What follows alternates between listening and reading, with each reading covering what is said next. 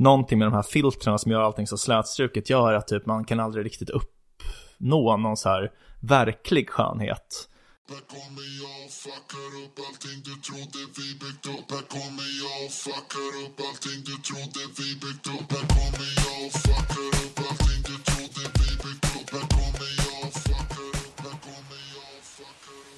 Ja, hej och välkomna till ännu ett härligt avsnitt av podcasten Om och Men där vi reder ut det ni tycker är krångligt och krånglar till det ni trodde redan var utrett. Med mig, Vincent Flink Gamlenäs. Och med mig, Beatrice Erkers. Haha! Eh, vad, eh, vad har hänt sen sist, Bea?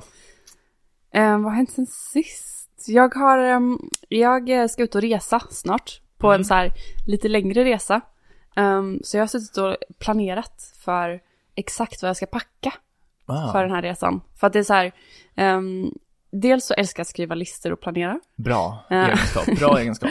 Så, och dels så har jag bestämt mig för att bara resa med handbagage den här gången. ah, okej. Och det, och det är en utmaning, för jag ska vara borta i två månader. Men bara handbagage? Mhm, mhm. Sjukt beteende ändå. Den där väskan som ligger på golvet där, den ska jag ha. Är det där, ja, det är för sig väldigt stort för ett handbagage. Men det får man ha. Men det är väldigt lite för att vara bagage för två månaders resa. resa. Ja, nej, men så jag har suttit och verkligen så här försökt planera exakt liksom så här, jag ska ha en kapselgarderob, vad exakt behöver jag ha med mig? Ja, Ehm, vad behöver man ha med sig liksom för, men, och det, det är också en, ehm, jag kommer eh, resa mellan olika temperaturgrader, eller vad man ska säga. ja jag förstår. Så Olika klimatzoner. precis, precis. Så först så jag kommer börja den europeiska vintern. Mm. Eh, inte jättekallt, men ändå så här, eh, man behöver ha en jacka. Liksom. Är det La France? Ja, La France är, är Inglaterra. Ni ser inte det här kära lyssnare, men jag tvinnar min mustasch. Alltså, Eh, och ja, men så England och Frankrike. Och så då behöver man ju ändå så här ha lite eh, rimliga kläder. ja. Mm, och sen så kommer det bli eh, lite mer värme. Så då behöver man ha badkläder och grejer. Och Mm. jag vet inte, solglajjor. Eh, man ska ha alla sina vitaminer och mediciner. Man ska ha... Alla sina vitaminer. Vad fan är det här? Skit, kommer ut som pseudovetenskapstroende här. Jag tar ganska mycket vitaminer. Nej. Varför, varför då? Men så här vego, vego-grej. Ja, ja, ja. ja. Alltså Eh. jag är inte vegan liksom. Mm. Så jag, Men så vego-grej och så... um, B12 då. Ja, precis. Mm, det måste Men man ju ta. jag tar någon veganvitamin då. Mm. Och sen så tar jag um, eh, omega-3 också. Eh, för det känner jag att jag inte får i mig annars. Och sen så har jag så haft dåliga blodvärden, så typ så här järn och sånt. Ah, okej. Järn och magnesium. Har du, har du järn? Ah, Okej, jag ska inte lägga mig i. Men okej, du tar det. men, Gud, jag känner att jag, jag blev triggad av det här, Bea. Men det är, uh, to each his own. Du kan ju inte skada i varje fall. Ja. Nej, men så jag har suttit och um, som sagt eh, försökt så här matcha ihop den perfekta eh, garderoben. Jag får med mig max eh, 20 plagg. Vilket jag är inte säker på att jag kommer få i. Uh, alltså nu ser ju inte ni den här väskan, men jag ser direkt här genom okulärbesiktning. Den kommer inte att rymma 20 plagg. Jag har köpt så här vakuumpåsar dock. Så jag hoppas att jag ska kunna så här krympa ihop. Ah, det kan vara bra för kanske dunjackor och sådär. Men alltså en, en grej som slår mig nu är, man får ju bara ha med typ ett handbagage och en liksom accessoar eller något sånt där, typ en, lit, en pytteliten väska. Men man, jag antar att man får ha på sig hur mycket, Ja, absolut. hur? Men det hacket har jag gjort innan. Jag så här, när jag... eh, När jag man, var... man kan ha på sig 40 kalsonger. Så hur Men- ska de kunna hindra den liksom? Men jag hade faktiskt så här flyg, jag skulle gå igenom, eller det var en gång när jag verkligen försökte så här Mm. maxa. Mm. Och då hade jag nog på mig så här tre tjocktröjor och en, två, en eller två jackor liksom. Ja. Alltså så här verkligen så att Ja. personalen verkligen skrattade åt mig. Bag lady. Nej. Men du fick ändå gå på? Jag fick, ja, Ja. jag kom på. Planet Det var väldigt, störtade. eh, det var alldeles för tungt. Det var flera ton jackor på det. Ja, okej. Ja, nej men eh, shit, uh, segt. Ändå att eh, du måste planera så här mycket. Äh, nej Ja. men alltså det är ju, jag tycker att det är kul. Jag försöker, det är kul det här när man försöker optimera som sagt. Det ska bli lite kul att så här, jag, alltså så här, försöka vara en så smart eh, resare som Ja. möjligt. Att så här, jag har köpt en, en resevattenkokare. Som Ah. eh, är en liten, som en liten termos typ som kan koka vatten. Och så har jag en så här universaladapter och så har jag ja, men mina vakuumpåsar och sånt. Så jag ska försöka optimera det här. Ah, universal... Uppblåsbar aha, nackkudde. Ah, okej, grejer. nice. Jag har också en sån. Ja. Men uh, alltså universal a- adapt, är det så att man kan, alltså med kontakter, är det det det är eller? Ja, precis. Okej, ah, Så ja. vart jag än är så kan jag få in min... Det lät Eh. som en så här uh, high-tech uppfinning som typ så här uh, James Bond har, där. Men nu, nu förstår jag vad det är. Ja. Okej, ja men coolt. Kul att du ska resa.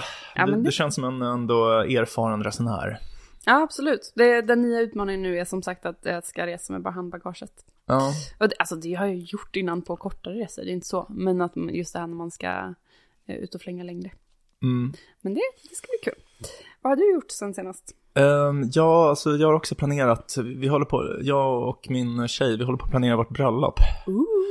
Oh, oh, oh. Ja, nej, men så att vi sitter lite med det nu, typ gästlistan och eh, ja, nej, men det är alltså känsligt vilka man ska bjuda typ och hur många. Gud Eh, ja. För att man, alltså det, när man börjar tänka på det så blir det liksom så här, varje person extra som man bjuder blir så extremt mycket pengar. Mm. Det är ju liksom, alltså jag kommer inte säga Nej. liksom hur mycket, alltså hur mycket vårt bröllop kommer kosta. Vi vet det dessutom inte exakt än. Men man kan ändå säga typ att de flesta man bjuder, Mm. alltså deras del av kostnaden för hela bröllopet, det är liksom inte någonting man vanligtvis skulle vara beredd att typ ge dem i present eller så här. Mm. Alltså, för att jag menar, alltså, alla, alla som blir bjudna på ens bröllop är ju nära en. Mm. Så här, man bjuder ju liksom nära vänner och familj. Mm. Men det är ändå lite så här, ja, det är väldigt mycket pengar per person. Så att man, när man börjar tänka på det så blir man typ lite mindfuckad. Och man, man kanske ska stryka den här personen typ. Eller, men samtidigt vill man ju, man vill ju att alla som är nära en ska vara där. Ja. Alltså, så. Ja. Och det blir också, tycker jag, roligare ju fler det är. ja. Så, um, mm. Svårt. Har ni, eh, jag vet inte, vad har ni för cut-off nu då liksom? Eller vad är? Ehm, nej men jag, eh, jag, vet inte, jag kanske inte ska tillkänna allt för mycket här, men, Nej. men det Men hur många kommer få komma ungefär? mm, strax under hundra. Det är ändå många. Um, Alltså, men, men det, det, det kan, mellan 80 och 100 kan man säga. Mm. Mm. Uh, Vi har inte bestämt exakt.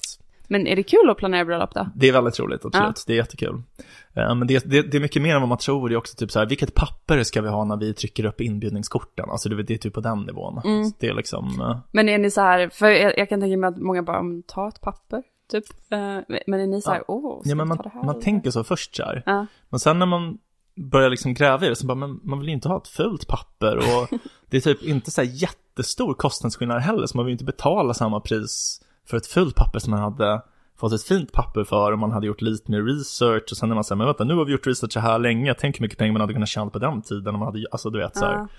Så det, Vad, vad har ni någon eh, timeframe på när ni vill ha skickat ut inbjudningarna? Äh, de kommer snart. Okej, ja, Det all, allt är klart med dem. Då- Det, det ska då- bara... Då vet man som lyssnare så här, om man inte har fått en inbjudning snart så, så kommer man inte få komma. Eh, ni, kan inte, ni kan inte dra den slutsatsen när ni hör det här. Men eh, Okej. ja, förr eller senare så kommer ni ju komma till insikt om huruvida ni har blivit bjudna eller inte. Det, är- det är onekligen sant. När ni ser bilderna på Facebook. Ja, nej, men så jag håller på med det fullt upp. Mm. Gud vad kul. Ja, nej men verkligen. Ja, jag hoppas att jag får komma. Det um, Det får du göra. nice. Det ska bli väldigt kul. Ja, Det är nice att ni har det i Stockholm också. Det är så himla skönt att folk eh, har bröllop i Stockholm. Så Ja. att man inte behöver åka till typ andra sidan klotet. det är så kul. Alltså det, det är verkligen många som reagerar så när jag säger var vi ska gifta oss. Um, alltså att, att folk är så här, man är för lat för att åka ut utanför stan. Men det är inte så mycket det som att så här, det är så, när det är, alltså typ, jag har eh, några veckor där, där april, maj, där det är så här tre bröllop liksom så här. Mm. Då är det, det är ändå lite, istället för att det blir så här eh, en hel semester då, typ om det är i Stockholm så blir det liksom, ah vad nice, det här är en askul dag då, men jag behöver Mm. inte planera hela min eh, månad runt att jag ska åka bort typ. Nej, men jag håller med. Det är ju mycket softare. Absolut. Speciellt om det är någon som man inte är så här jätte, jättenära, utan är så här som man tycker om, men man träffas inte så ofta, och så ska man lägga typ en hel helg på det bröllopet. Så. Men då om vi ska göra en övergång, Mm. du måste ju planera också hur du ska vara snygg Ja, på ditt bröllop. kräver ingen planering. Nej, det är sant, just det. Eh, nej men absolut. Uh, smidig övergång där Bea. Mm. Till eh, dagens tema, utseende. Mhm. Eh, vi har läst ännu ett härligt album av Liv Strömquist, vår eh, podds nya guru här. Mm. Som vi känner en stark hatkärlek till. Mm. Eh, vilket ni kanske märkte på förra veckans avsnitt. Eh, nu har vi läst ett nytt album med henne då som heter eh, I spegelsalen, eller hur? Ja, inne i spegelsalen. Inne i spegelsalen, ja. Mm. Eh, ja, jag hade inte läst innan. Du hade inte det? Nej. Nej. Eh, det var jättebra. Ja. Faktiskt. Det var som sagt, den är med på min topp tre av liv. Mm. Eh, precis, nej men eh, det var ett väldigt roligt omslag. Hon är utklädd till Snövits styvmor. Ja. Um, och där handlar då om synen på utseende i vår kultur. Att det liksom, vår kultur har blivit besatt av hur man ser ut. Mm. Och eh, hon ehm, tar sin vana trogen olika sociologer till hjälp för att förklara vår besatthet av utseende. Exakt. Eh, Den innehåller eh, fem olika serier som försöker förklara det här. Eh, Den första då handlar om Kylie Jenner, Mm. eh, hennes eh, snygga bilder på Instagram. Mm. Eh, Och typ hur, varför hon har blivit så stor. Mm. Där. Vad tyckte du om den? Jag tror jag tyckte den var bra, men just Mm. nu kommer jag inte ihåg exakt vad det var som var själva teorin. Eh, Teorin var typ att, eh, alltså hon kallar det för mimetiskt begär. Ja. Um, oklar och typ lite komplicerad term. Men det är en, någon fransman som heter uh, uh, Girard, Girard, något sånt. Mm. Eh, som eh, tänker att liksom anledningen till att Jenners bilder har blivit så, eh, alltså typ så här, det är så många som likar dem och hon har blivit så stor på Instagram. Det är typ att eh, när kvinnor i eh, typ Jenners ålder eller i närheten av den ser dem så väcks det här mimetiska begäret. Att man blir liksom, man vill vara som hon. Mm. Ehm, och det är typ inte, alltså så här, det, det är inte längre så typ att man vill, alltså så här, att man vill också attrahera män, precis som hon gör. Utan det är typ som att det blir som en tävling om, om vem som, alltså ve- vem, vem som eh, liknar henne mest. Så, här. så att det är inte längre de här, att de här kvinnorna vill attrahera andra män, utan de vill bara bli bättre på att attrahera män för sakens skull, bara för att det är typ ett tecken på att man, Mm. att man har vunnit tävlingen. Så att det är inte för att de är intresserade av män, Mm. Eh, utan ja, det är bara för att de är intresserade av att vinna tävlingen. Mm. Eh, Alltså vinna över andra tjejer typ. Men Det känns igen. Ja, det, det jag har åtminstone hört många tjejer säga det. Att det typ, Ja men gud, men det känns ju verkligen som en sån grej som, alltså man gör sig fin, det här som ofta kommer upp typ att så här, men att tjejer mer spexar ut sig än gör sig snygga på ett sätt Mm. som män kanske attraheras av typ, känns som en sån grej där man bara, ja men vi är ju snygga för varandra typ, för att vi har vår ehm, lilla eh, tävling då, eller mimetiska begär Ja. eh, tävling. Ja. jag, jag tänker på det bara, alltså så här som exempel då att ehm, det känns som ehm, att många trender till Mm. exempel inte nödvändigtvis är sådana som eh, attraherar nej, män typiskt. ehm. och att, eh, byxdress. exakt, byxdress. Ja. Det var ju så här, en av mina favoritmodebloggare förr var, hette Man Repeller. Eh, och Var hon gay eller? nej, Aha. hon var bara klädde sig på ett sätt som var eh, väldigt Fult? Konstigt och Ja. lu- alltså, roligt, lustigt, inte så sexigt typ, inte så här. ja, ja, ja. ehm, Jag fattar. så jätte, Tokigt. ja men jättekul. Mycket, mycket byxdressar. Ja, det är väldigt fult tycker jag. Typ, aldrig sett en byxdress som jag tycker om. Men. Ja. Det känns som en sån grej typ, att det, alla killar tycker det är fult. Mm. Mm. Men jag kan ju fatta, alltså, så här, jag kan ju fatta om man har det för att det är bekvämt. Alltså det ser ju, det är ju typ som en one piece liksom. Ja, alltså jag älskar ju hängslebyxor. Ja, Det känns som en ganska man-repelling grej. Ja, lite. Det, lite. det ser lite barnsligt ut. Ja. Alltså lite så här infantil typ. Det är väl i och för sig typ inne, alltså så här. Ett tag så såg alla, alla modeller som är på så här eh, stora posters. Ett tag så hade alla en enorm glugg mellan tänderna. Kommer du ihåg det där? Ja, Det känns inte inne längre att ha det. det var ju den, det var ju den the British look typ. Alltså att det var get så the här, London look. Ja, Typ. Ja. ehm, det var ju eh, Mick Jaggers dotter Jordan May Jagger hade en sån glugg och så blev det som att alla, alla skulle ha det också. Eh, och att, det var, jag vet att det, jag kommer ihåg så här skämt om att så här, oh, this is how you're gonna get the look, att Ja. typ så här folk som med ett stämjärn typ. Jag minns också Bara, det. ja. ja, nej men det, det känns lite oroväckande typ att folk tycker att det är så snyggt. För det är ju att man ser ut som ett barn. Alltså mina barn ser ut så för att de har mjölktänder. De har ju för små tänder liksom. Ah. Det är ju ganska ovanligt att se ut så som vuxen ändå, att man har en stor glugg mellan tänderna. Men det är ju mycket så med olika modelltrender, alltså när det går trender i utseende, typ. Mm.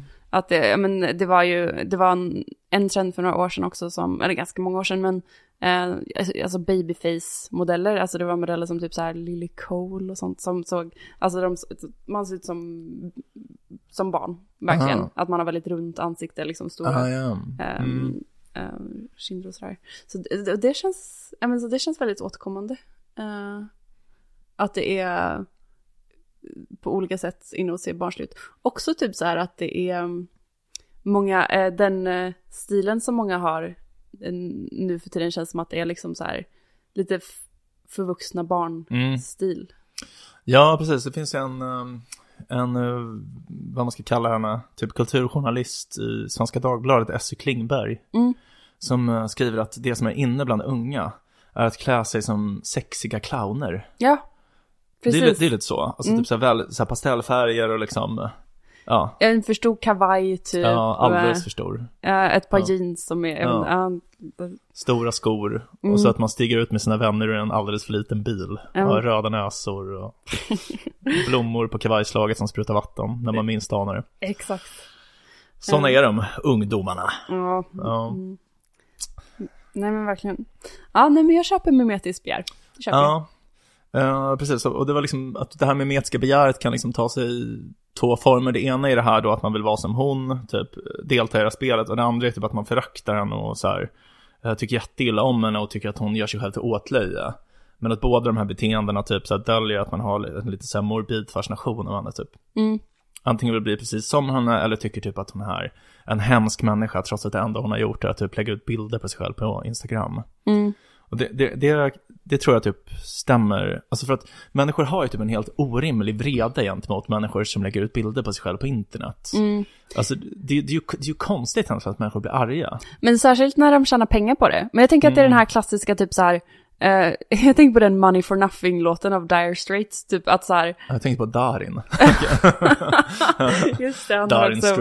Money for Nothing. Han är fan inte straight Darin. Han måste vara gay, eller? Eh, Han har kommit ut som gay nu. det? eh, Men det tog eh, några år. Ja, du ser. Mm.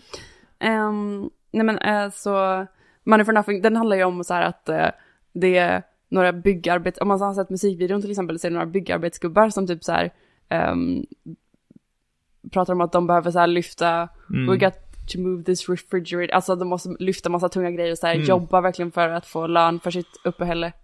Ja, Um, Medan alltså, ser de så här hur, ehm, jag tror han pratar om, um, titta på så här Motley Crue, typ, du vet Tommy Lee, eh, han, Ah. trummisen Tommy Lee i ah, Motley ja, Crue. jag vet. Att så här, jag menar att det är så här, bara små pojkar med hål i öronen och sånt och så Ah. money for nothing, de tjänar pengar på att liksom Ja, inte göra någonting. lyft ett kylskåp. Ja men precis. Ja. Och att det är den relationen man har till liksom influencers, att så här, Mm. fan ska, kan du tjäna pengar på att bara lägga upp en jävla bild på Ja. dig själv? Typ. Man blir jävligt bitter när man tänker på det, det blir jag också i och för sig. Jag också. Alltså, jag blir inte arg på dem, men jag blir väldigt avundsjuk på dem. Ja, jag blir Alltså, också avundsjuk. Jag önskar att, jag, att mitt liv var så. Att jag kunde lägga upp en bild med mig själv på internet och sen liksom ramlade lapparna in genom brevinkastet liksom. Ja, Det skulle vara verkligen. härligt. Ja. Um, men så är det tyvärr inte. Nej.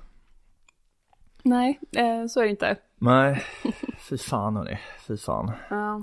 Ja, men så det var första serien då. Ska vi knalla vidare i... eh, Absolut. Den andra handlade um, om Bibeln. Ett bibliskt motiv. Okej. Uh, Labans döttrar, Lea och Rakel. Mm. Ehm, två, eh, ja, ni som inte kan er bibel då. det här i uh, första Mosebok eh, så är det att Jakob, eh, som är um, ättling till eh, Isak, alltså Abrahams son som skulle ha blivit offrad men inte blir det, whatever. Eh, han, han vill bli ihop med en, en kvinna som han tycker är jättesnygg som heter Rakel. Och hon är dotter till en man som heter Laban. eh, Som inte är ett spöke utan han är, det är bara hans namn, det är ett rent sammanträffande, de är inte släkt han och spöket. Bra att Ehm, veta. Mm. Exakt. Och då säger Laban så här, ja men du får gifta dig med min dotter Rakel om du, eller du får gifta dig med min dotter om du jobbar för mig i sju år. Han jobbar hos Laban i sju år. Och sen gifter han sig. Ehm, men när, de, här, när han vaknar bredvid sin nya fru då, så lägger han märke till bara, nej men det är inte Rakel, det är Rakels fula syster Lea, som är jätteful och har fula ögon. Just det. Eh, och då kommer Laban och bara, haha, jag lurade dig. Så här, eh, för i vår kultur så måste, man gift, så måste den äldsta dottern gifta sig först. Men om du jobbar för mig i sju år till, då får du gifta dig med Rakel också. Så här. Och så gör han det. Eh, och eh, ja, nej men det här är då, alltså, en, alltså hennes spaning är typ att förr i tiden så var det liksom en trygghet. Alltså att man var snygg. Alltså typ om man lyckades hitta någon eh, som ville gifta sig med en genom att vara snygg, då var man liksom trygg sen. Då kunde man liksom se ut hur som helst, eller då, då var det liksom slut, för då var man gift. Så Mm. Och det var liksom extremt eh, fel att skilja sig, eh, men så här, nu är det inte riktigt så längre, utan nu är typ sexappeal mer en statusmarkör hela livet. Så att man kan aldrig känna sig trygg.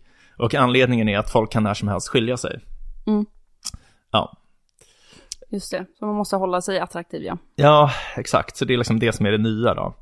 Eh, och eh, ja, det är ju sant, men eh, frågan är ändå liksom, det kanske inte är så dåligt ändå att man nu får skilja sig.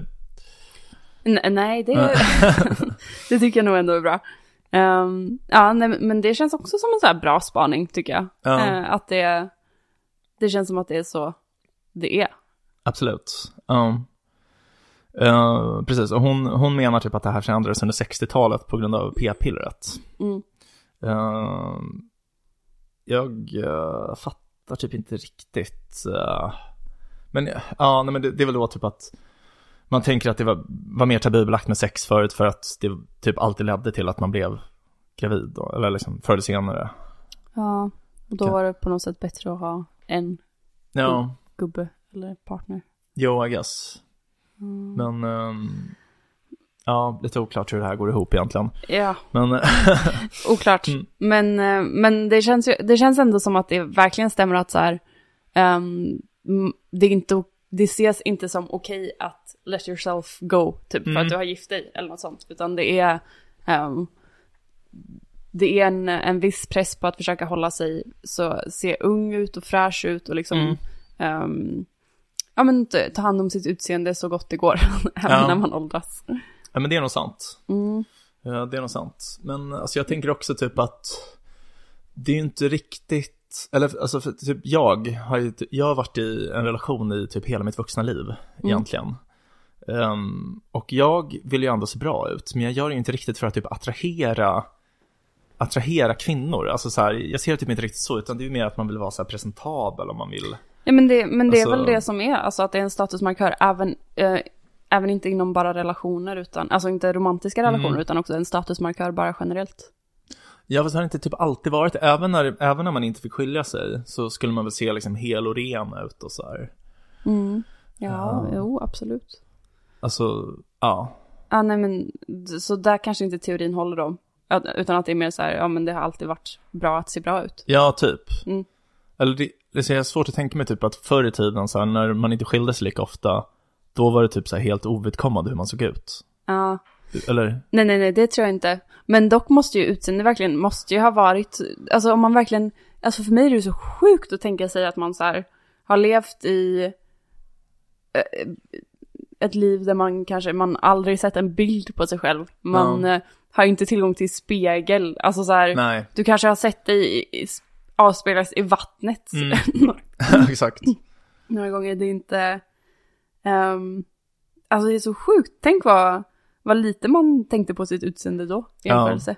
Då måste det verkligen ha varit så här, är jag, är jag ren, typ? Ja, verkligen. Man kanske leder liksom lyckligt ovetande som att man var jätteful. Mm, Man liksom hade ett helt vanställt ansikte, man visste inte om det själv. exakt. Fan vad hemskt. Men det måste ju ha, man måste ha märkt det på hur folk behandlar en då, tänker jag. För att det spelar ju roll fortfarande. Jo. Ja, men det är intressant tror jag, innan man hade speglar alltså. Ja, sjukt. Ja, märkligt. Mm. Sjukt att han, eh, Narcissus, blev kär i sig själv trots att det bara var i vattnet han såg sig. Ja, måste ha varit en väldigt ty- tydlig, eller bra spegelbild. Var väldigt bra vatten. bra filter. Undrar om det egentligen var att han var mycket fulare om man hade sett en vanlig spegel. Eller att han var ännu snyggare då. Men visst är det ändå konstigt det här när man ser sig i spegeln och bara åh jävlar vad snygg jag var där typ. Mm. Och sen så ser man en bild på sig och man bara men vad, vad är det för groda typ. Ja, ja det, är, det är märkligt. Jag tycker ofta man är snyggare i spegeln än i, på bild. Ja, håller med, håller med. Men det är en, en, en annan grej med utseende, typ. Det är att man tycker att ens eget utseende förändras mycket mer än vad man tycker att andras utseende förändras. Eller åtminstone tycker jag det. Mhm. Alltså jag tycker så här att jag kan liksom från en dag till en annan se helt annorlunda ut. Ja, Men jag tänker ju aldrig så, typ om mina vänner eller typ människor jag känner, så här bara gud, hon eller han ser helt annorlunda ut idag jämfört med igår. men det här stämmer Så- jättemycket nu när du säger det, känner jag igen det jättemycket i så här, ja men att jag till exempel en dag när jag sminkar mig eller en dag när jag inte sminkar mig, Mm. så kan jag säga om jag typ har träffat någon eh, och jag har alltid haft smink på mig när jag har träffat Mm. den personen, så tänker jag att de typ inte känner igen mig när Ja. jag inte har smink. Men det gör de ju, alltid. Ja, ja det där är ju bullshit. Alltså det, så att det, men alltså grejen är att det är något som är fel. Antingen är den bilden man har av sig själv fel, Ja. eller så är den bild man har av andra fel. Antingen är man liksom inte tillräckligt uppmärksam på skiftningar i andras utseende, eller så är man överdrivet uppmärksam i sitt eget. Men det måste vara en kombination av båda tänker jag. Kan vara, kan Eller vara. jag, jag tror absolut i alla fall att vi inte är så uppmärksamma på andras utseenden. Nej. Fan vad kul att tänka sig att människor går runt och är fula i hemlighet. Så här. Det bara flyger under radarn så här. Egentligen så är alla ens vänner fula så här. Det är verkligen så här gränspsykotisk eh, paranoid grej liksom att gå runt och vara rädd för. Typ att de man umgås med egentligen är losers typ. Ja, ja. Ja, Få ha bättre pli på dem. ja Eller exakt. Bättre uppsikt. Nej men det där är skumt fan, jag har tänkt mycket på det där. Att det, man ser sig själv så himla annorlunda. Ja, ja nej, men verkligen. Det är ofta, och ofta när man så här ser um, en person man känner och tycker att den ser annorlunda ut, så är det ofta med man bara, någonting ser annorlunda ut. Och då är det typ att de har bytt ben eller någonting. Men man hade inte kunnat säga exakt vad det är själv, typ. Nej, det är verkligen sant. Det är verkligen sant. Men alltså, jag, jag tänker typ också att det, det är så mycket typ som, alltså människor som man känner.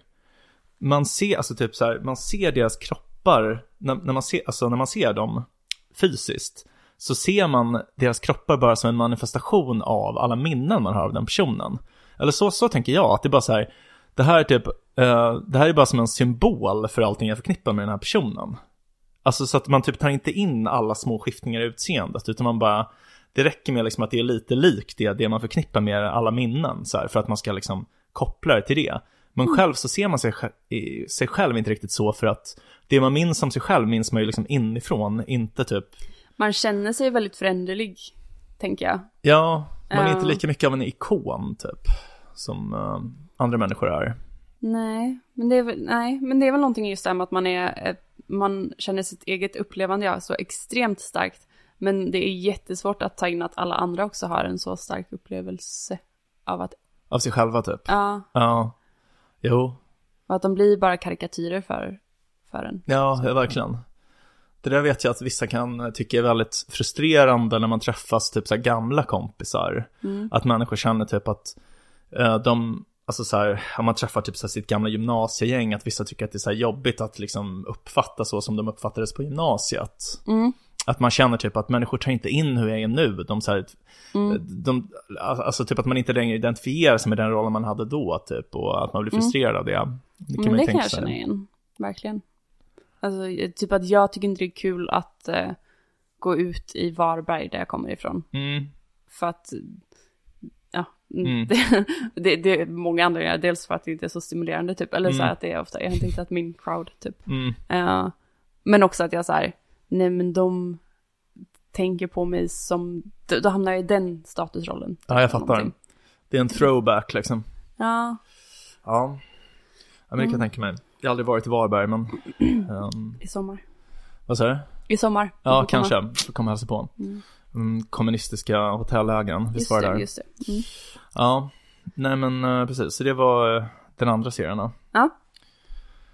Ehm, sen var det en som handlade om Marilyn Monroe. Men den kommer jag nog nästan ihåg lite mer av. Ja. Ehm, för det var den som var om Kim Kardashian och Marilyn Monroe va? Exakt. För den är också intressant. För det, det jag har funderat på det här med Kim Kardashian. Eh, och eh, att det är så, men det är så intressant den här, ehm, att jag inte vet var jag ska placera det typ. Så här, men lite så här, vi har pratat om feminism och sånt innan, om, om viss kluvenhet inför henne som feministiskt objekt eller vad man ska säga. Ja. Eh, I att, ehm, men för, för det den här serien tar upp då är att liksom så här, Mar- Marilyn Monroe lite som ett offer för liksom the male gaze och objektifieringen av kvinnor, typ. att så här, kvinnor har objektifierats historiskt, alltså deras eh, utseende har ehm, blivit en produkt eh, och att ehm, Marilyn Monroe är då eh, exemplet som liksom visar på att ja, men hon utnyttjades till viss del av män, alltså de profiterade på hennes utseende genom att så här, ta lättklädda bilder på henne eller Mm. Ja, eh, sådär. Eh, så att, som de sen sålde, men hon fick inga intäkter för de bilderna sådär. Hon Nej. tjänade ingenting på det. Ehm, och där är ju Kim Kardashian som liksom har släppt en bok med bara selfies liksom. Mm. Så då har hon bara tagit bilder på sig själv liksom. Mm. Eh, så hon approprierar ju den här the male gaze och liksom objektifierar sig själv. Mm. Men det är också hon som tar bilderna, det är hon som tjänar pengar på bilderna. Ja, just det. Ehm, ja, och då är det intressant att så här, för det får hon, det, då får hon ju makt. Och makt är ju Mm. intressant och makt Mm. är makt liksom. Ja, makt är, Eh. det är jävligt bra alltså. Ja men, men makt är, ma, ja men makt är makt liksom att så här, ehm, även om man då tycker att liksom, att det inte är ett fint sätt att Mm. tjäna pengar på eller någonting, så, så ger pengar makt. Och då får Kim Kardashian makt. Eh, även om hon inte är rätt sorts feminist eller vad man än tycker om det typ. Ja, jag menar så. det- Ja. ehm, Nej, men det är sant. Um, alltså man vill ju hellre vara Kim Kardashian än Marilyn Monroe. ja, verkligen. Um, rikare, mer framgångsrik. Ja, Hon var väl tillsammans med Kanye West också. ja. Coolt. Han är väldigt coolt. Han verkar ju ha ballat ur dock. Ja, han är väl liksom sjuk, Ja. tror jag. Mm. Ja, så det är väl tragiskt. Men jag, jag gillar verkligen Kanye West. Alltså så här, jag, jag gillar inte hela den här grejen med att han har uttryckt sig antisemitiskt. Men ehm, jag tycker väldigt mycket om hans musik. Mm. Framförallt första två skivorna. Mm. Toppen. Ja, nej men alltså jag vet typ inte riktigt någonting om Kim Kardashian. Jag har typ aldrig riktigt sett något foto på henne. Jag vet Va? inte hur hon ser ut eller nej. Ehm, men det är ju lite intressant med, med hon, eh, alltså hon, men de har ju en, en reality-serie, hela den familjen, typ Keeping Up or The Kardashians. Så jag har inte sett den, men, eh, men hon har varit, eh, det har varit omöjligt för mig att undvika henne som en, eh, en, pop, en person inom populärkulturen nu för tiden. Eh, Mm. Att hon har, har liksom varit på framsidan av Vogue och en massa olika tidningar och Mm. eh, omnämns i poddar och grejer.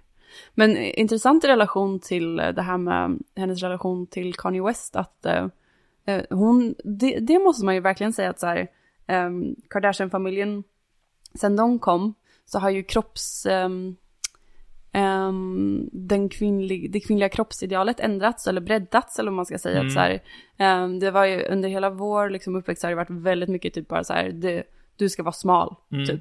Um, Medan med dem så kom det mer det här med att man skulle ha typ stor rumpa eller så här, Ah. lite mer eh, Har hon det eller? jättestor. Okej, hon har liksom en jättestor rumpa. Det är liksom det hon var känd för, typ.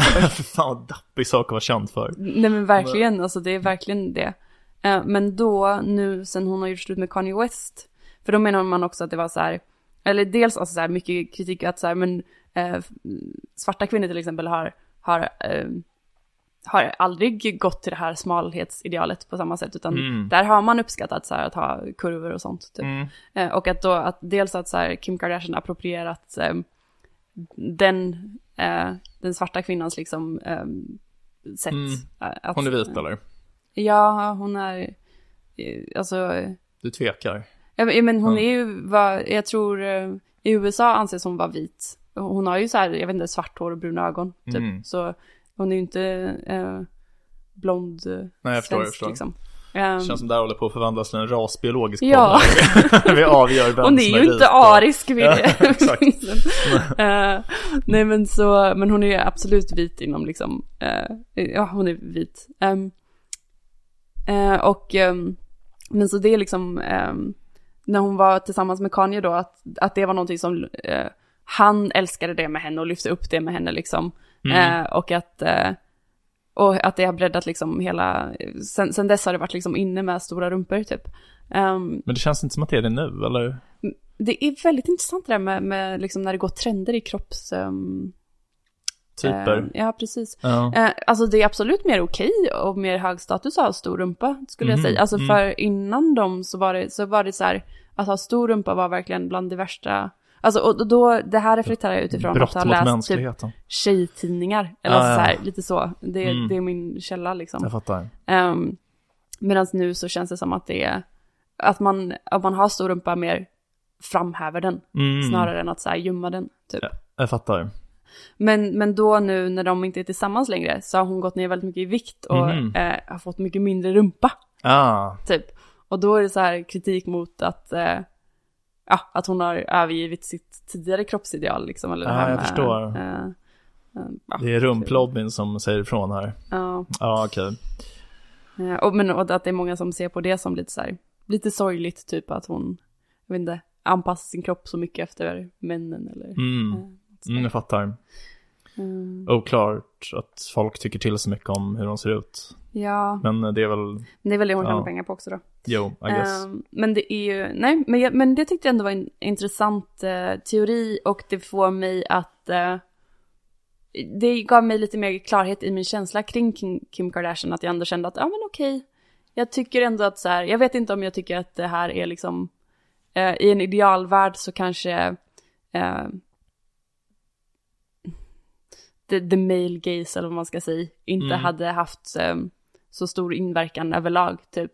Men jag, eh, eller att man in- inte ser på varandra så Mm. mycket med, den, med, med det, det, de glasögonen. Men att eh, om vi nu har det, vilket vi har liksom, och det verkar vara liksom biologiskt kodkodat i oss, eller om det är, eh, det, det finns väl, folk tycker väl olika där. Eh, Mm. Men då föredrar jag att eh, hon som kvinna profiterar på det, snarare än att liksom någon annan skulle profitera på, på det. Ja, jo kanske. Alltså jag tycker inte att man ska lura, alltså om Mar- alltså Marilyn Monroe blir typ lurad på pengar så jag är emot det. Men jag tycker typ inte att det är självklart att en skicklig fotograf inte förtjänar att få betalt. Bara för att föremålet Nej. liksom, Nej, men, men det tror jag absolut inte att jag lobbar för heller. Men att de kanske kan dela på pengarna då. Jo, absolut. Eh, det är väl rimligt. Ja, nej men ehm, precis. Nej men alltså hon skriver angående det här med Marilyn Monroe och Kim Kardashian så skriver hon något om typ hur eh, hur de här bilderna ser ut på Kim Kardashian. Att de är så här, det är väldigt mycket filter och så här slätstruket så att det är liksom det ser ut som att hon har liksom en väldigt slätstruken och liksom len hud utan några liksom skro- skrovlighet eller så här. Och då tar han upp som något exempel som Burke har skrivit om. Alltså den konservativa filosofen från 1700-talet. Om så här olika typer av skönhet. Att det finns liksom det sköna och det sublima. Eh, som är, alltså man tänker att sublima ofta kopplas till typ så här naturfenomen som liksom en, ett mäktigt berg eller något. Och det sköna är mer som någonting mer vackert, lite nätt sådär. Eh, Som en vacker klänning till exempel. Men att Liv Strömquist har hittat någon koreansk filosof som har kritiserat det här och menar att så här, allt som är vackert innehåller liksom ett mått av det sublima. Alltså även typ en, en vacker kvinna som verkligen är vacker har liksom någonting lite så här subversivt drag. Alltså jag tänker typ att, att det är lite som man säger att någon är fulsnygg typ, att de har typ en, jag vet inte. Alltså, Benedict Cumberbatch. Benedict Cumberbatch. Han tänker jag på som ful Ja, kanske, kanske. Jag tycker han är snygg, det hade jag inte sagt. det är han som är Sherlock Holmes och Ja. uh, Turing. Doctor Strange. Ja. Doctor Strange. Ja, nej, men okej, men kanske han, alltså, men jag tänker typ man har någon liten typ, uh, jag vet inte, man har typ en krokig näsa eller någonting. Ja. Alltså så här, något som är lite avvikande. Ehm, och så menar han då, den här koreanska filosofen som citeras av Liv Strömquist menar då typ att någonting med de här filtrerna som gör allting så slätstruket gör att typ man kan aldrig riktigt uppnå någon så här verklig skönhet. Och det han menar med typ verklig skönhet är så här någonting som gör att man blir liksom rubbad i sitt innersta av att se det. Utan det är bara typ så här, det är mer att man beundrar och tänker så här, "Ah, hon har vunnit det här spelet. Typ Kim Kardashian har vunnit det här spelet om vem, som- vem som har den mest perfekta bilden. Men vi tycker typ inte att de här bilderna liksom uttrycker sann skönhet. Det förändrar typ ingenting. Man känner sig inte rubbad, man känner sig inte påverkad när man ser dem. Det är bara så här, ja, där var hon, typ. Ehm, och ehm, ja, det kanske är så, jag vet inte riktigt. Nej. Jag känner mig sällan rubbad över Ja, hur någon ser ut, men eh, det är, men det är ett av mina favoritcitat ändå, så här, att r- rubba inte mina cirklar. Um, ja, just det, Archimedes. Eller? ja, precis. För, för att jag tycker ändå att man, eh, de gånger jag har känt mig rubbad, Ja. så har det känts påtagligt som Story att, my life. vänta, vänta, nu Ja. rubbade du mina cirklar här. Ja. Eh, typ, alltså så här, eh, typ eh, om man blir kär eller någonting tycker jag Mm. att det kan vara så. Ja, då blir man ju rubbad. Ja, Det är förvisso sant. ja. Ja, vad, vad fan var det där med cirklarna? Hade han ritat cirklar runt sig själv, eller hur var det? Jag vet, jag kommer inte ihåg. Jag tror att han gjorde lite uträkningar och sånt och, Ah. i sanden liksom. Ah, Eh, okej. Att han hade ritat med en pinne i sanden och sådär. Ja. Och lite cirklar antagligen. Och sen kom någon och skulle fånga Nå- honom typ. någon eller? gick väl, gick väl av hans cirklar Någon som han hade dem. ritat i sanden. Ja, för fan. Vilken jävla stil alltså. Stackars. Arkimedes. Ja. Var det han som sa Eureka? Nej. Ja, det var var det han? Ja. Det är Ar- Arkimedes princip ju, det här med undanträngda, mängden av undanträngda vätskan är eh, Ja, just det. volymen Eh, på objektet. slutkraft, alltså den, Mm. den kraft som verkar på ett föremål nedsänkt i en vätska är proportionell mot, Alltså mängden av den undanträngda, nej, mängden av den undanträngda vätskan är volymen av eh, det som, eh, alltså om du lägger ner en boll i Ja. ett badkar eh, och mängden av den undanträngda vätskan är Ja. volymen på bollen. jaha, är det det ja? Jag trodde att det var kraften som verkar på bollen. Ah, ja, whatever, det spelar ingen roll. Mm, Ehm, men eh, det låter rimligt. Arkimedes, den gamla skojaren. Eller ja, du, du kanske har rätt. Arkimedes princip beskriver den kraft som påverkar ett föremål vilket sänks ner i en vätska. Okej. Eh, ja, det här är lite hårklyverier kanske. Men eh, någon form av lag som han hittade på. Som har med vatten att göra. Ja, vattenlag. Eh, har, har du sett nya Avatar-filmen? Apropå vatten. Ja, det har jag. Så himla bra tycker jag. Ja, Jävligt bra. verkligen. Men ja, absolut. Har inte vi pratat om det? Eller jag har pratat om um, det här med att folk får post-avatar blues. typ. Jo, det kanske vi har gjort. Ja. Ah, okej. Eh, ingen nytt content där med andra ord. Men, Fan Vincent, du måste Ja. prestera mer. exakt. Ja, nej men eh, alltså jag tycker den här, eh, det här seriealbumet tycker jag var mycket bättre än det förra alltså. Jag tycker liksom, jag tror att jag tyckte att temat var lite mer intressant. Det här med typ utseende, hets och liksom, för det här med kärlek, alltså jag menar, ehm, det kändes mer sökt, de eh, förklaringarna som gavs i det här Rödaste rosen slår ut, tycker jag. Ja, de var, de var absolut det. Ja, men det, det har du nog rätt i att de här teorierna kändes lite mer on top liksom. Ja, Ehm, det var, ehm, det sista kapitlet tyckte jag var väldigt kul som handlar om den här Sisi, kejsarinnan. just det. Mm. För det, eh, men dels så, nu när jag var i Wien, Mm. så, så, eller, så kapitlet handlar om den här kejsarinnan Sisi som var eh, en kejsarinna i Österrike, eller Mm. liksom, vad är det, den habsburgska dubbelmonarkin Mm. eller någonting sånt, så alltså Mm. Österrike-Ungern. Ehm, och det var, när var det? 1800, 1700, 1800? Eh, jag vet inte. Däromkring? 1800 någon gång, tror Ja, jag. Ja. ganska tidigt tror jag. Mm. Ehm, men hon var känd för att vara liksom den vackraste kvinnan i Europa. Ah, Och att hon var så här, det var, det, man sa att hon hade hår som gick ner till golvet typ och, wow. eh, och världen, Europa, eller Europas smalaste midja. Mm. Ehm, eh, och det, det som Liv utvecklar då i boken är att hon verkar vara, ha varit väldigt ätstörd och verkar ha fått extrema komplex av att liksom så här, eller att det var ganska jobbigt att hantera att vara känd som Europas eh, vackraste kvinna för att det, Mm. det skapar en enorm press på, på en ehm, när man ska, så fort man behöver visa sig bland folk liksom. Mm. Ehm, men då nu när vi var i Wien nyligen så besökte vi hennes eh, lägenhet liksom. I Ah. hennes eh, palats, eller hennes gamla palats. Vad intressant. Ja, och det var verkligen, alltså dels att se, det var så här en, en dock, alltså du vet en så här um, kläddocka typ, där man såg eh, hennes klänningar. Satan i helvete vilken smal midja hon hade. Ja men gud, ja. Alltså det är verkligen så här man bara, det här funkar inte, typ, har du kvar organen där inne? Typ. det är typ som hans överarm liksom. Ja, nej men verkligen. Ehm, och sen så var det så himla kul också att bara gå omkring och se, för hon hade så här också, eftersom hon var, hon var ätstörd liksom, Mm. ehm, att hon så här hade väldigt eh, lustiga dieter för sig och var väldigt petig med vad hon åt och sådär, och att hon tränade väldigt mycket. Ja. Eh, och när man så här i hennes eh, sovrum då, hennes kammare, så hade hon satt upp ett litet gym. Eh, och det var liksom, det stod kvar där, det var så här, det var som en sån här bar som det är en gympasal typ. Eller så här, du, kommer du ihåg gympasalar det var så här, En plint, typ eller? steg, en Ja, stega längs ribbstol. med väggen. Heter det så? Heter det inte ribbstol? Ribb... Kanske det. Jag tror det heter ribbstol. Ja men det en sån där, det. sån där Ja. grej längs med väggen. Ja. Och typ så här, några små, ehm, ja, liksom, det var så gulligt med gymutrustning som var Mm. gjort i trä. För att det var liksom så här Så länge sedan. 1800-talet. Ja. Eh, och så bara man tänkte sig att hon eh, gick omkring där och eh, ja. ja. tränade som en galning. Ja, det var verkligen så skolboksexempel av anorexia och nervosa. Mm. Kompensatoriska beteenden, att hon promenerade tio timmar varje dag typ. Mm. Och, Men det var väldigt lustigt just att se, för i Österrike då så framställs hon som, hon är väldigt upphöjd liksom, som en upphöjd Mm. historisk figur. Och dels så finns det, det finns en serie om henne på TV4 nu, alltså en spelserie. okej, intressant. Eh, som heter Cici.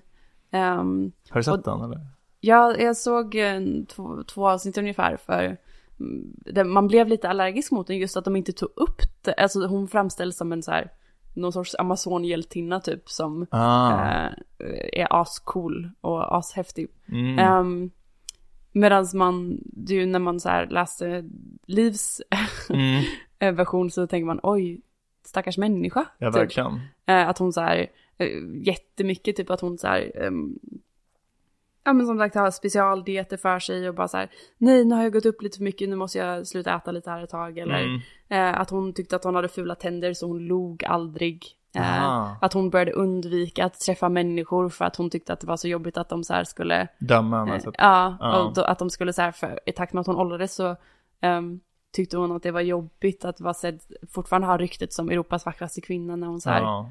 Ja, men åldrades liksom och inte såg ut på samma sätt. ja, jag fattar. Ehm, Ja, det känns ju inte så amazonigt, nej, nej, Nej. precis, det känns mer neurotiskt liksom. faktiskt. Mm. Ehm, men, eh, ja, och sen så hade hon ju ett väldigt tragiskt livsöde liksom. Inte, Mm. bara, inte bara den eh, neuroticismen och sånt utan också att hon blev mördad. Mm.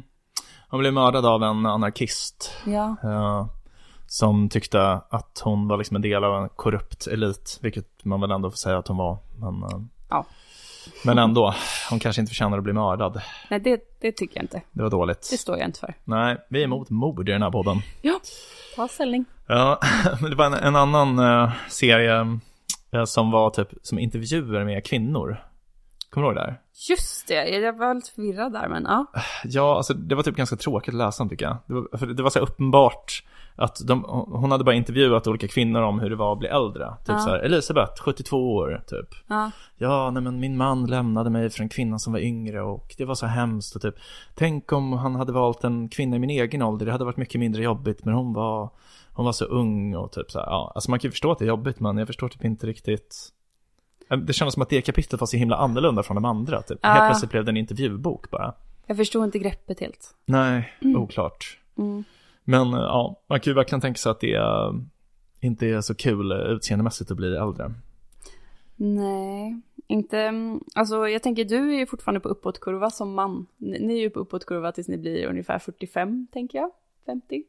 Va, tycker du? Ja, tycker om, att- om man inte let yourself go liksom. Om man håller sig så här Mm. fräsch och tränar och sådär. Uppåtkurva, vadå? Tycker du att män är som snyggast när de är 45? Ja, när de är 40. Jaha. Hmm, Skulle jag säga. Det tycker inte jag. Jag tycker män är snyggare när de är yngre. Ah. Men, ehm, ja, jag vet inte. Jag är inte attraherad av män heller. Så det är kanske inte, min åsikt kanske inte är så viktig. Men jag tycker till exempel det där att det är, ja men de som anses vara de snyggaste männen är ju typ så här, inte, George Clooney, alltså nu börjar han väl bli gammal, men, eh, men alltså att det ska vara lite rynkor helst typ och lite så här, Ja, alltså på ett sätt, men samtidigt typ så här, vad heter han, Timothy Chalamet. Ja men det är ju en, Han anses ju också vara väldigt snygg liksom. ja men Och han, är ju typ mer, 11 eh, år gammal eller sånt. eh, jag skulle säga, men för mig så är det där mer, han är mer eh, alternativ, alltså att det är, Ja. jo, jo, kanske. Men alltså attraktiv. Men, men jag menar mer så här. ehm, jag försöker liksom säga någon sorts eh, generell Jo. mer.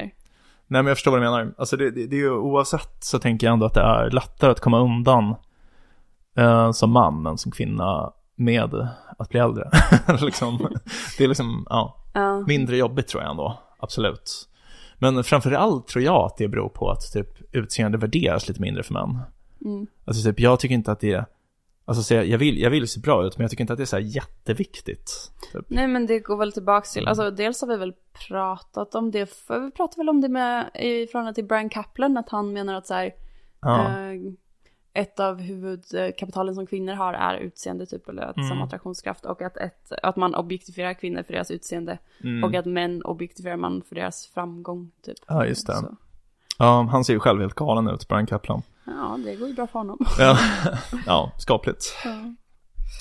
Ja. Ja. nej men eh, bra, bra serie. Det kändes som att hon eh, hade mycket bra hot takes Absolut. faktiskt. Ja, men hon är bra på hot takes ändå tycker jag. En grej som jag störde mig lite på, Ja. det var typ um, den här kritiken av eh, kapitalismen. Mm.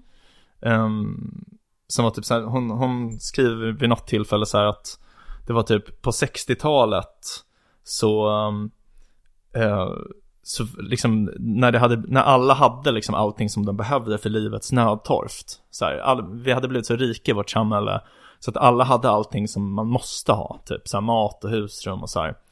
Och då skriver hon typ så här, då var kapitalismen tvungen att hitta på ett nytt, någonting nytt för att liksom fortsätta få till tillväxt. Mm. Um, och det här är typ så något som jag tror att typ många vänstermänniskor tänker lite sådär, typ att kapitalismen är som någon form av sammansvärjning. Där det är typ så här elaka kapitalister som typ funderar ut så här, hur ska vi nu lura de snälla arbetarna typ? Men alltså jag ser typ inte alls kapitalismen på det sättet, utan jag ser det bara som, alltså typ en, ett samhällsskick om liksom hur man ska fördela produktionsmedlen. Alltså så här, ska, ska man ha rätt att köpa och sälja produktionsmedel? Eller hur ska man göra? Alltså de enda andra alternativen till kapitalism som jag kan komma på är alltså kommunism, staten äger alla produktionsmedel, eller aristokrati. Alltså att alla produktionsmedel går i arv. Och jag förstår typ inte riktigt vilken av de här två alternativen som, ja men typ Liv Strömquist föredrar. Eller förstår du vad jag menar? Ehm, ja, nej, jag förstår. Ja. Alltså tr- Jag tror de håller typ ju- att hon kommer kunna typ så här förverkliga sig själv mer när staten äger hennes arbetskraft? Eller liksom, Mm. det, det låter ju osannolikt tycker jag. Ja, nej, jag håller med dig. Ja, Det, ehm, men och det är mycket sådana grejer som man eh, kan störa sig på om man inte är typ eh, kommunist med läser hennes böcker, tror jag. mm. Men ja, man får väl eh, ta det onda med det goda typ. Mm. Mm. Ja, nej men verkligen. Ehm, och eh, som sagt, jag tyckte det var en kul eh, bok liksom. Så, Absolut, Ja. den är väldigt rolig. Ja. Och intressant ämne, tycker jag. Ja, Utseende. sant. Ja, ska vi säga så för denna gången då? Ja men det tycker jag. Tycker, det tycker vi jag. har um, krånglat till en del här i alla fall. Ja, exakt. Eh, då så, eh, får vi tacka för att ni har lyssnat på ännu ett avsnitt av podcasten Om och Men, där vi reder ut det ni tycker är krångligt och krånglar till det ni trodde redan var utrett. Nästa vecka kommer vi prata om någonting Helt sjukt. Jag fuckar upp allting du trodde vi byggt upp Här kommer jag och fuckar upp allting du trodde vi byggt upp Här kommer jag och fuckar upp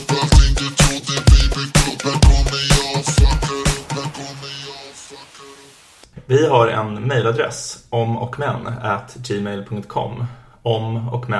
gmail.com. Hör gärna av er om ni har några förslag på ämnen vi kan ta upp i podden eller om ni undrar något. Vi kommer att svara på alla mejl. Tack för att du har lyssnat. Vi hoppas att du vill lyssna även på nästa avsnitt som kommer på måndag.